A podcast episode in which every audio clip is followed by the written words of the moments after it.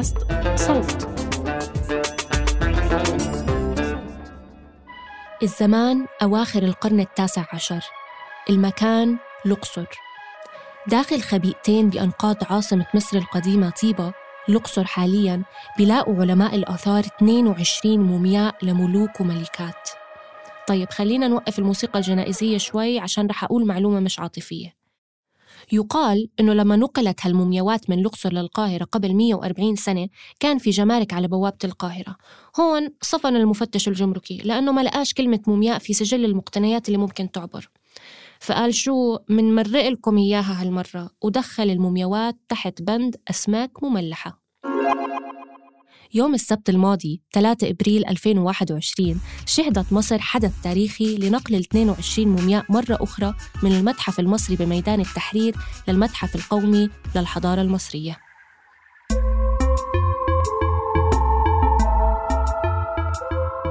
إذا منطلع على الصورة الكبيرة ومننسى ولو لحظياً الكوارث الطبيعية والحروب منلاقي إنه عالمنا منظم كتير ومتوقع إلى حد كبير. الأرض بتدور بشكل منتظم الأطفال بينولدوا وهم عم يبكوا والإنسان لابد إنه يكبر مع مرور الزمن. وكأنه في إيقاع بيضبط أنماط الحياة مهما كانت مختلفة. بس بهذا البودكاست ندعوكم تنضموا إلنا لنكتشف عوالم جديدة ونغرق مع بعض بإيقاعات بتختلف عن اللي تعودنا عليها.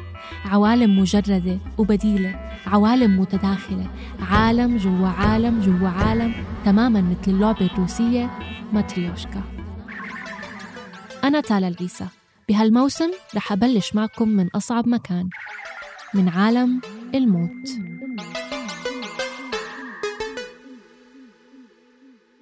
مرحبا.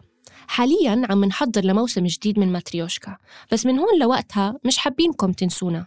فقلنا نعمل لكم حلقة خفيفة لطيفة نمسي فيها عليكم أو نصبح حسب متى بتسمعونا ولكن بنصحكم تسمعوا هالحلقة بالليل لحتى تعيشوا أجواءها على المزبوط. انتقالي من الأردن إلى مصر قبل حوالي سنتين خلاني إلى حد كبير مهتمة بالحضارة المصرية وعلم المصريات. عشان هيك لما سمعت عن موكب المومياوات كان واضح بالنسبة إلي إنه لازم نحكي عن هالحدث بماتريوشكا خاصة إني صديقة لمجموعة من الأشخاص بيوفروا لي مادة خام للإعلام. قررت إني أحلل شهادتي بالأنثروبولوجيا المركونة على الرف وأمارس دوري كمحللة اجتماعية تراقب تفاعل شلة الأصدقاء مع الحدث التاريخي. بدأت بجولة سريعة من ردود الأفعال قبل يوم من الفعالية. بحب أنوه من البداية إنه الأصوات اللي رح تسمعوها عينة عشوائية بحت. تم اختيارها بمنهجية لا تمت إلى العلم بصلة ولذلك هي غير ممثلة عن الشعب المصري. بيعني لك إيه إنه المومياوات هتتحرك يعني على شوارع القاهرة؟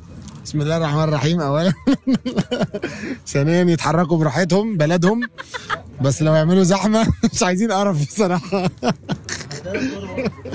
وشكرا. بس رأيك إيه بقى؟ هات فريدي.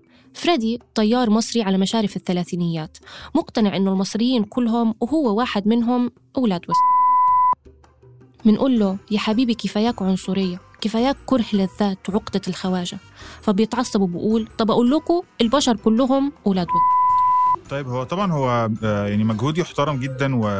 ودعاية كويسة لل... للسياحة في مصر specially إن إحنا كنا داخلين يعني في فترة صعبة بس أنا شخصيا صراحة الموضوع مش فارق لي خالص. يعني الله يرحمهم ونعيش ونفتكر كلنا بس يعني مش حاسس إن هي حاجة هتفرق آه، معايا أنا شخصيا يعني. شكرا. والحي أبا بالميت هتشربي كوفي هذا دانيال أو ديدي. شاب مصري متزوج يتمتع بحس هندسي خارق مهووس أو مسحول مثل ما بقولوا بالمصري بالتكنولوجيا الذكية ورياضة البادل تنس. اللي ما بيعرف رياضة البادل هي عبارة عن مزيج ما بين التنس والسكواش وتعد الرياضة الأسرع انتشارا عالميا. هاي معلومة على الهامش ببلاش.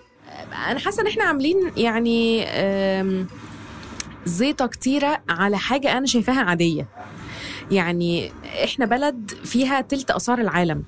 فان إحنا نبقى بننقل يعني ممكن نسميها آثار لو سمينا المومياوات يعني آثار إن إحنا ننقل آثار من متحف للتاني أنا شايفاه شيء روتيني جدا. يعني إعادة توزيع الآثار ده شيء عادي.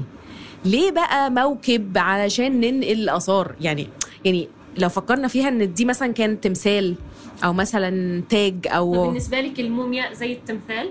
إيه إيه الحاجة المختلفة ما بين التمثال والمومياء أنا مش شايفة إن في اختلاف لأنه إحنا كمان بنن- بننقل شيء ميت. يعني إحنا مش بننقل حد عايش مش بنكرم حد حي.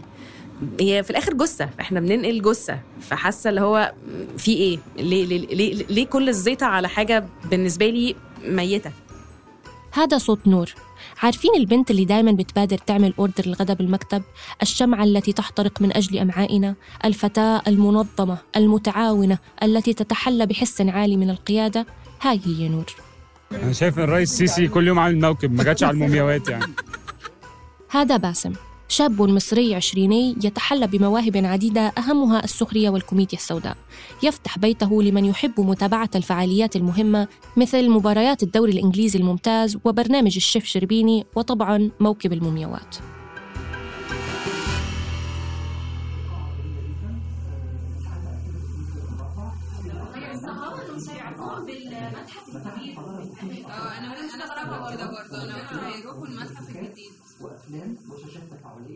وفعلا اجتمعت المجموعة السبت الماضي لمشاهدة الحدث التاريخي تلفزيونيا ببيت باسم اللي هو بيتي على فكرة. باسم بكون زوجي. هاي معلومة على الهامش كمان.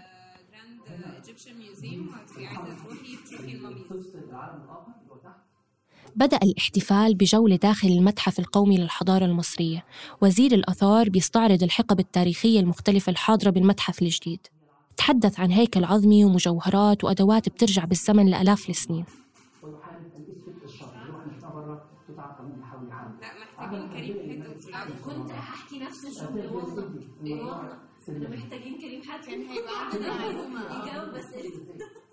نسيت أحكي لكم عن كريم. كريم هو بين قوسين مثقف المجموعة صحفي ومذيع مهتم بالتاريخ والسياسة والشأن العام. فريدي الطيار بخاف يقعد جنب كريم عشان ممكن كريم يسرد عليه تاريخ نبوخذ نصر أو صلاح الدين على سبيل المثال من دون سابق إنذار. للأسف الشديد كريم ما كان معنا بالقعدة بس سألته عن أهمية الاحتفال بالنسبة له. فكره نقل المومياوات ده زيادة لل attractions فهو بيفيد السياحة دي رقم واحد. وبيفيد آه، آه، نظرة العالم لينا. بنشوف إحنا نقدر إحنا إحنا كدولة وإحنا كمصريين نقدر نعمل إيه. مجهز اوردر عامة هعمله على طول. لو ماسكه اعتباطا يعني. مندرين كويس الحق يقال ديدي عزمنا على بسبوسة بتاكلوا صوابعكم وراها من مندرين قويدر احتفاء بالحدث ولا الفيس من منس عيوننا مسمرة على التلفزيون تتعقب التحف الأثرية إضافة إلى تفصيل آخر صغير ولكن مهم الكمامة. لفته ظريفه قوي ان ال- السيسي لابس كمامه لا لازم اللي بيتكلم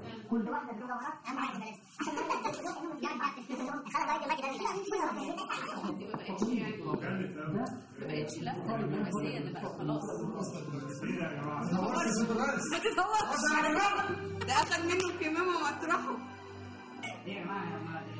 آه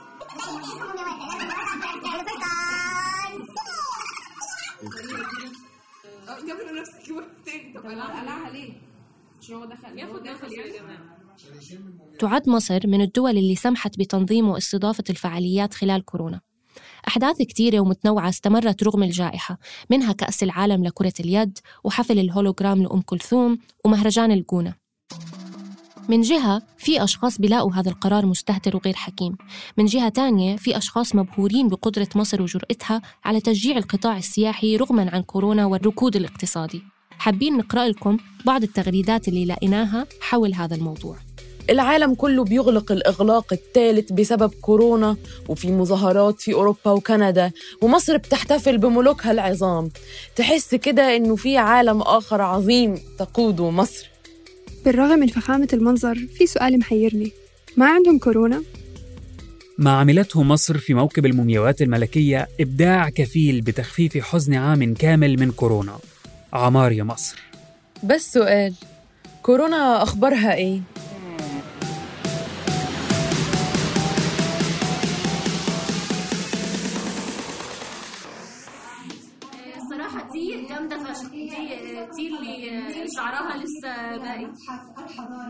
تحفه حبيتها قوي شي ساتش باداس شكلها كده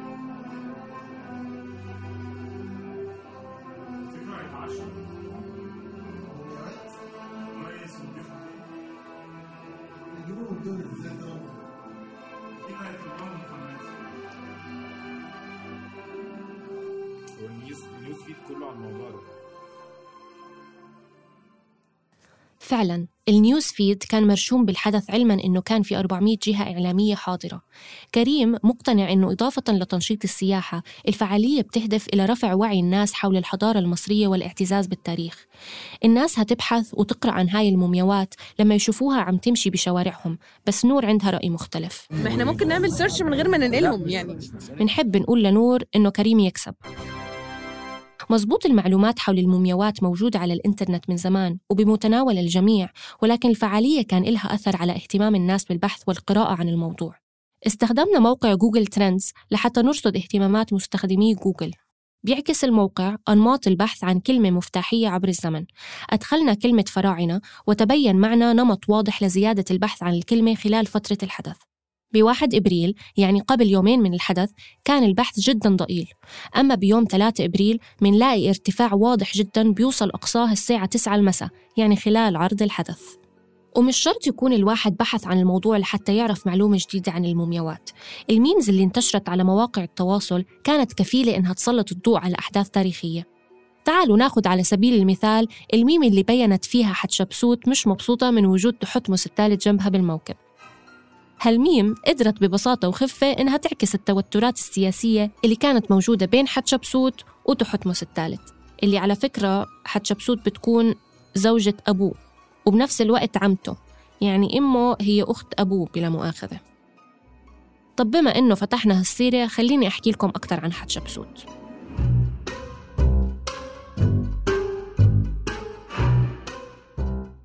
الملكة حتشبسوت من أهم الملكات اللي حكمت مصر. كانت متجوزة الملك تحتمس الثاني اللي خلفت منه بنتين. ولأنها ما خلفتش أولاد اتجوز جوزها عليها وخلف تحتمس الثالث من امرأة تانية.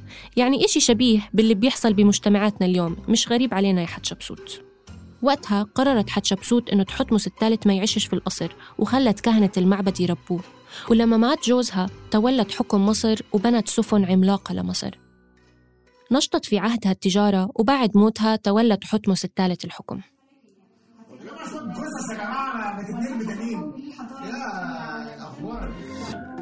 أفورة من أوفر يعني زودتوها.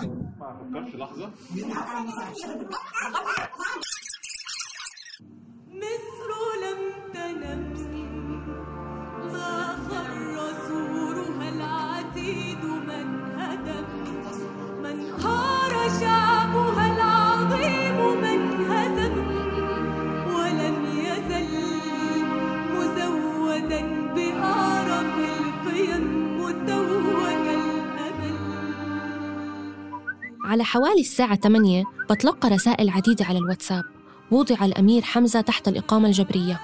أخبار عن انقلاب واعتقال وتهديد بالأردن. ومن هون بدأت تنتشر بعض التغريدات حول حلول لعنة الفراعنة على الأردن بدلاً من مصر.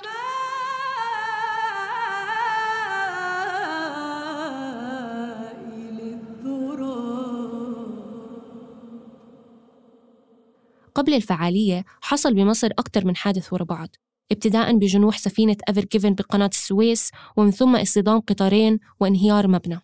فحلل البعض إنه هاي المآسي سببها إنه الفراعنة غضبانين علينا بسبب نقلنا لتوابيتهم من مكان للتاني. اترسخت أسطورة لعنة الفراعنة بالثقافة الشعبية لما تم اكتشاف مومياء توت عنخ آمون بال 1922 واللي كان مكتوب على مقبرته سيضرب الموت بجناحيه الساميين كل من يعكر صفو الملك. بعض الأشخاص غردوا عن الموضوع من باب المزاح والسخرية. بنتظر لعنة الفراعنة تشوف شغلها وننقرض. من رمسيس الثاني إلى شعب مصر. سيبوا الحكومة والمسؤولين والإهمال ولبسوها لنا إحنا وقولوا لعنة الفراعنة. أصل نفرتيتي هي اللي كانت سايقة القطر. والبعض الآخر يبدو أنهم كانوا جديين بالحديث عن اللعنة. برنامج آخر النهار على قناة النهار عرض أفكار بعض هذول الأشخاص. واضح إنه المذيع كتير مستفز. طبعا هذا مثال رائع لكيف ممكن انحياز المذيع يفقد توازنه. المسألة مش كده بس أنا لقيت بدأت ناس تكتب وتتداول معلومات ومواقع مواقع وصفحات يعني ده نموذج منها. يقول لك إيه؟ هل تعلم أنه يوم بدء تحليل مومياء توت عنخ آمون قبل سنوات حصل الآتي؟ إيه يا سيدي اللي حصل؟ قال لك هبت عاصفة ترابية في وادي الملوك فقط غير محتملة. أو آه يعني غير متوقعة. توفي زوج أخت زي حواس. فاروق حسني دخل المستشفى هطلت أمطار غزيرة بوادي الملوك. تعطل جهاز أشعة الكشف عن المومياوات بعد الكشف على توت عنخ آمون. كاد زاهي حواس أن يقتل بصعقه كهربائية داخل المقبرة. المعلومات دي يا جماعة بيتم ترويجها الآن على مد- مدى واسع ومساحة واسعة جدا. ويقول لك يا جماعة وقفوا الموكب بتاع المومياوات ده لأنه البلد هتولع عشان إحنا أزعجنا الملوك. يعني انت لا لا افريكانو أيوه افريكانو آه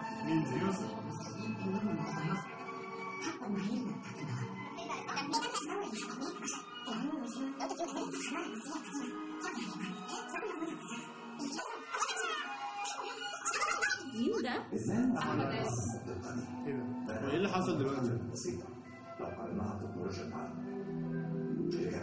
أيوه يا أحمد عز شالوا شيت الأخبار أخيرا؟ يا أختي قمر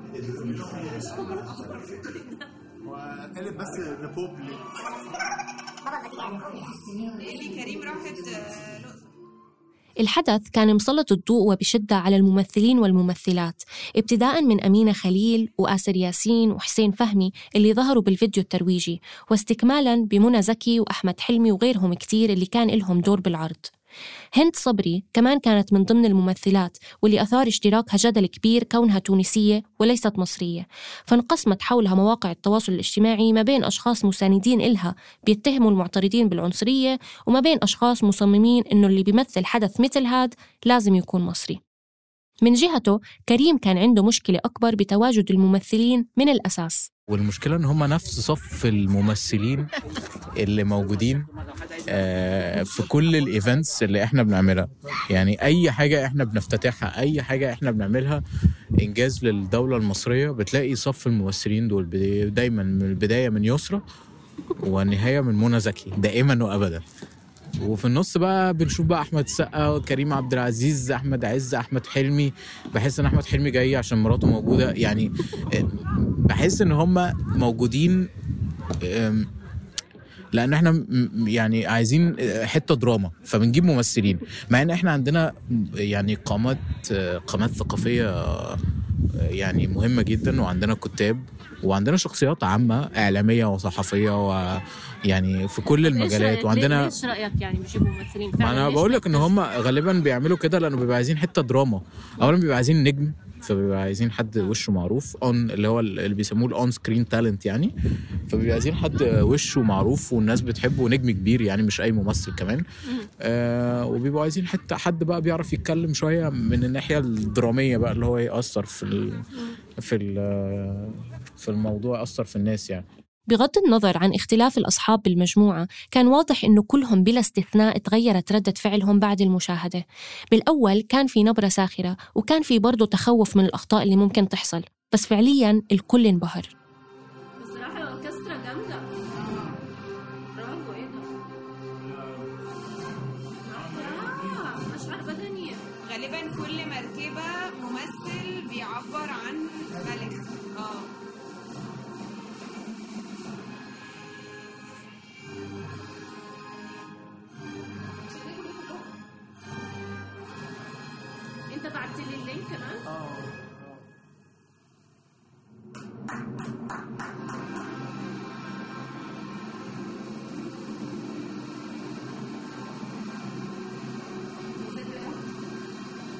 شكله شكله عبقري.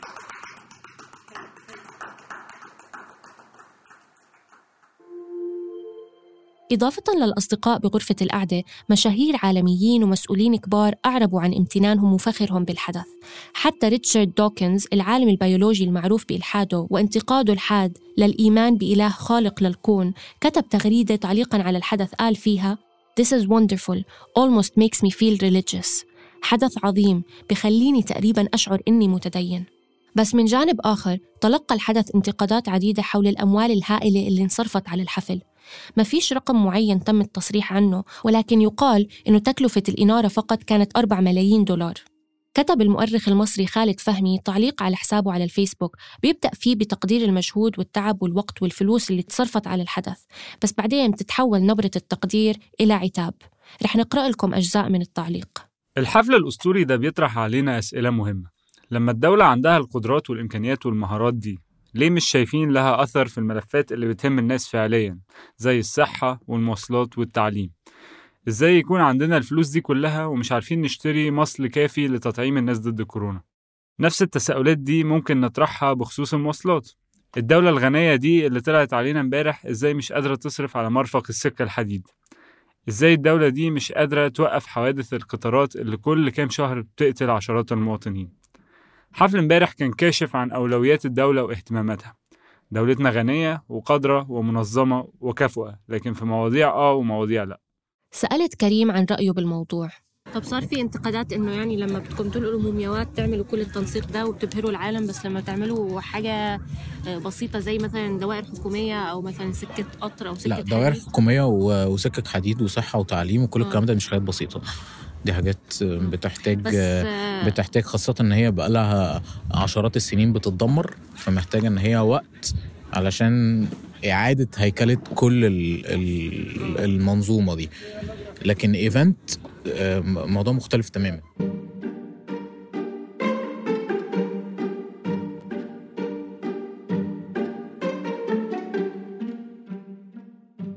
ما بين مؤيد ومعارض خلص الاحتفال وترك أسئلة كتيرة معلقة براسنا عن أهمية التراث وعلاقة الماضي بالحاضر وعلاقة الميت بالحي.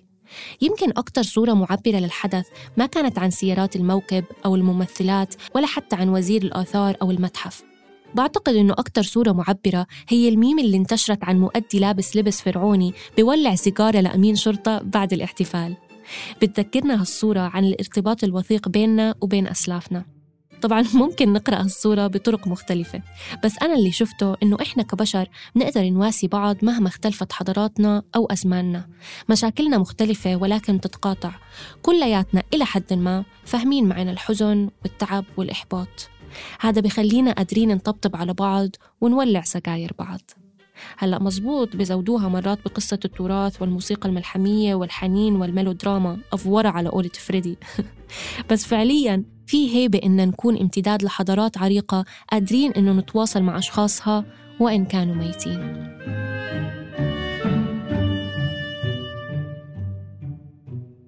كنا معكم من الإعداد والكتابة والتقديم تالا العيسى البحث والتحرير عزة قرقس هندسة الصوت وإخراجه تيسير قباني. النشر والتواصل مرام النبالي وبيان حبيب.